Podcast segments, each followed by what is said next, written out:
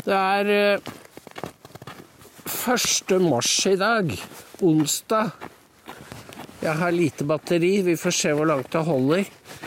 Mette Fredriksens regjering har nedsatt et eh, medieansvarsutvalg. Forferdelig byråkratisk navn, men det viktige ordet er selvsagt ansvar. For det skal ansvarliggjøre mediene, og særlig da de som ikke er ansvarliggjort, eller som de har kontroll over, og det er bloggere og influensere. De er eksplisitt nevnt i mandatet til dette utvalget, som selvsagt består av mange fra medier og rundt omkring. Og det er et det er et tegn i tiden på hvilken vei vinden blåser.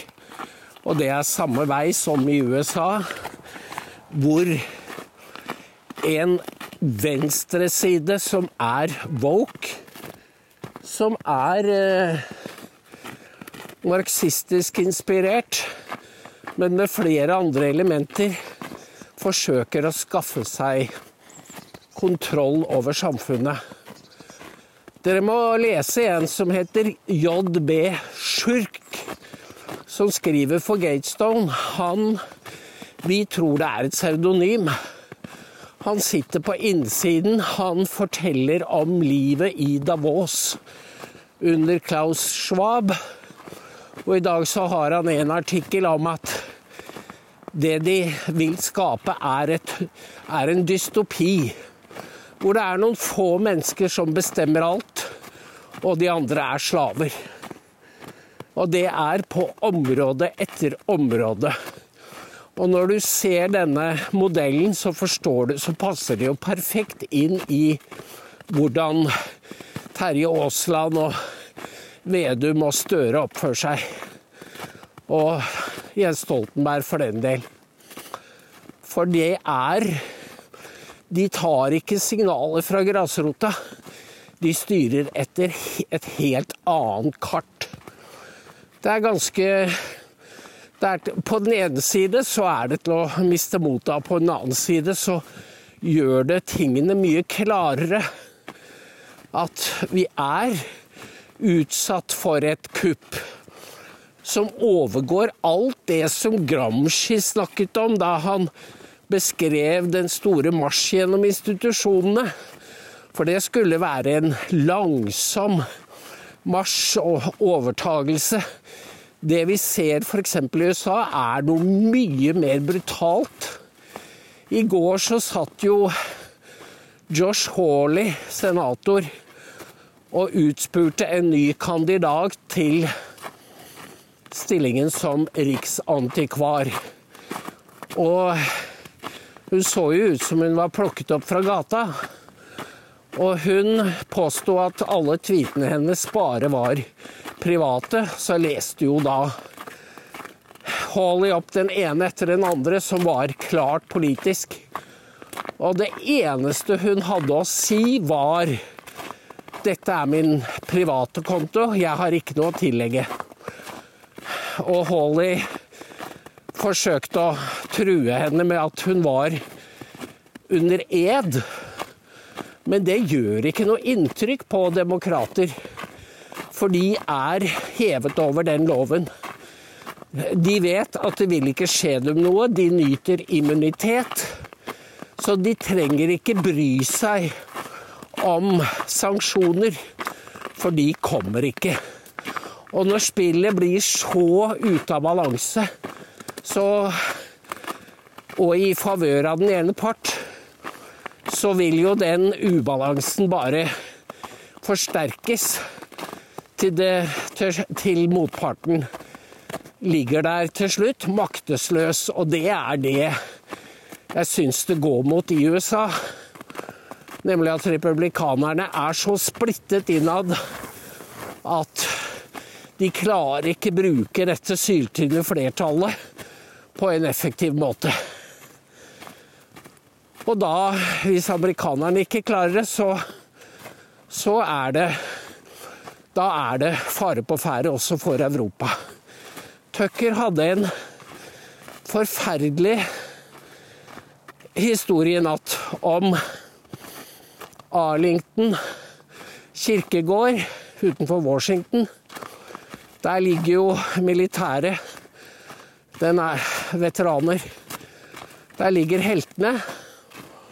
Der står det et monument, en stor søyle, over de som falt for sørstatene under borgerkrigen. Som dere kanskje vet, er det den mest blodige krigen USA noen gang har utkjempet. Jeg tror det var nærmere 700 000 falne. Og det er jo naturlig at man i enhetens navn markerer begge sider, begge siders falne. Men nå har altså Pentagon bestemt at dette monumentet skal vekk. De har forandret en rekke navn på baser og veier og torv. En rensing av historien. Og som jeg sa til de andre Hvis man begynner med å grave opp de døde, så er det ikke så lenge før man går etter de levende. Så alvorlig er den utviklingen USA er inne i. De går etter de døde, og de og omskriver historien. Og de kommer snart til å gå etter de levende. Det er dystre utsikter. Vi må be om at eh, det skjer noe som stanser disse ondskapen. Denne frem, fremrykkende ondskapen, for det er det det er. Og i Europa så står det jo ikke noe bedre til. Fordi nå er Europa i ferd med å bli som Pakistan. Hvis en koran kommer på en britisk skole, og den er litt tilsmusset, så er det full utrykning, politi. Gutten blir drapstruet, må holde seg hjemme. Blir, fire gutter blir utvist. Det er, dette er jo mye verre enn karikaturstiden. Det var en 15-17 år siden, 18 år siden. Men dette er mye verre, fordi dette er, har ingenting med karikaturer å gjøre. Det er en stor unnskyldning. Rasmus Paludan og Jyllandsposten kan ikke gjøre noe med at islams hysteri har slått inn i den europeiske eliten. Og de oppfører seg som islams voktere. Og de skaper en enorm polarisering. Det er det det handler om. Og de, eh, de stiller seg jo da på islams side, og det var en, en fra Memri, en egypter, som sa at islam havner på kant med Altså med moderniteten og med alle. Og fører en slags alt eller intet-krig mot resten av verden. Og i denne situasjonen så er det altså at vår elite stiller seg på islams side. Det er helt utrolig. Og jeg ble i går gjort oppmerksom på at markeringen av 1000 års eh, siden slaget på Stiklestad. 1000 år med kristning, kristningen av Norge, som blir i 2030, den skal brukes til å markere avkristningen av Norge. Fordi de forandrer symbolikken og sier at Olavsarven har vist seg å være mye bredere og mer variert enn det vi trodde. Og nå skal jubileet, tusenårsjubileet brukes til å markere mangfold. Hvis ikke folk engasjerer seg, så kommer de til å miste alt. både trosfrihet, ytringsfrihet og gård og grunn. Og bli det, Hvis det, det blir som i middelalderen, de må dra til Island. Men det er jo heller ikke lett.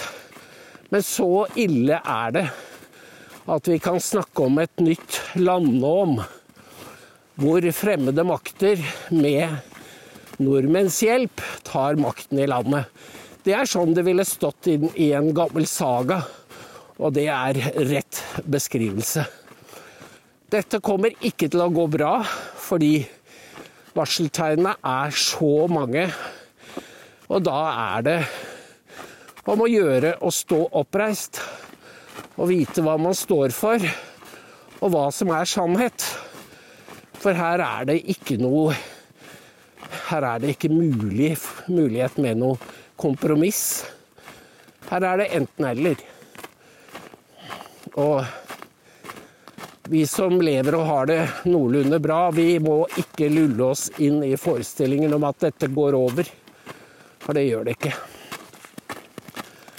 Fra USA og demokratene til en skole i Wakefield i Storbritannia, så utgår det et meget dystert budskap til alle vestlendinger som elsker friheten. Den kommer til å koste. Takk for i dag. Å ja, og, og Hanne 13629 fortsatt. Takk skal dere ha.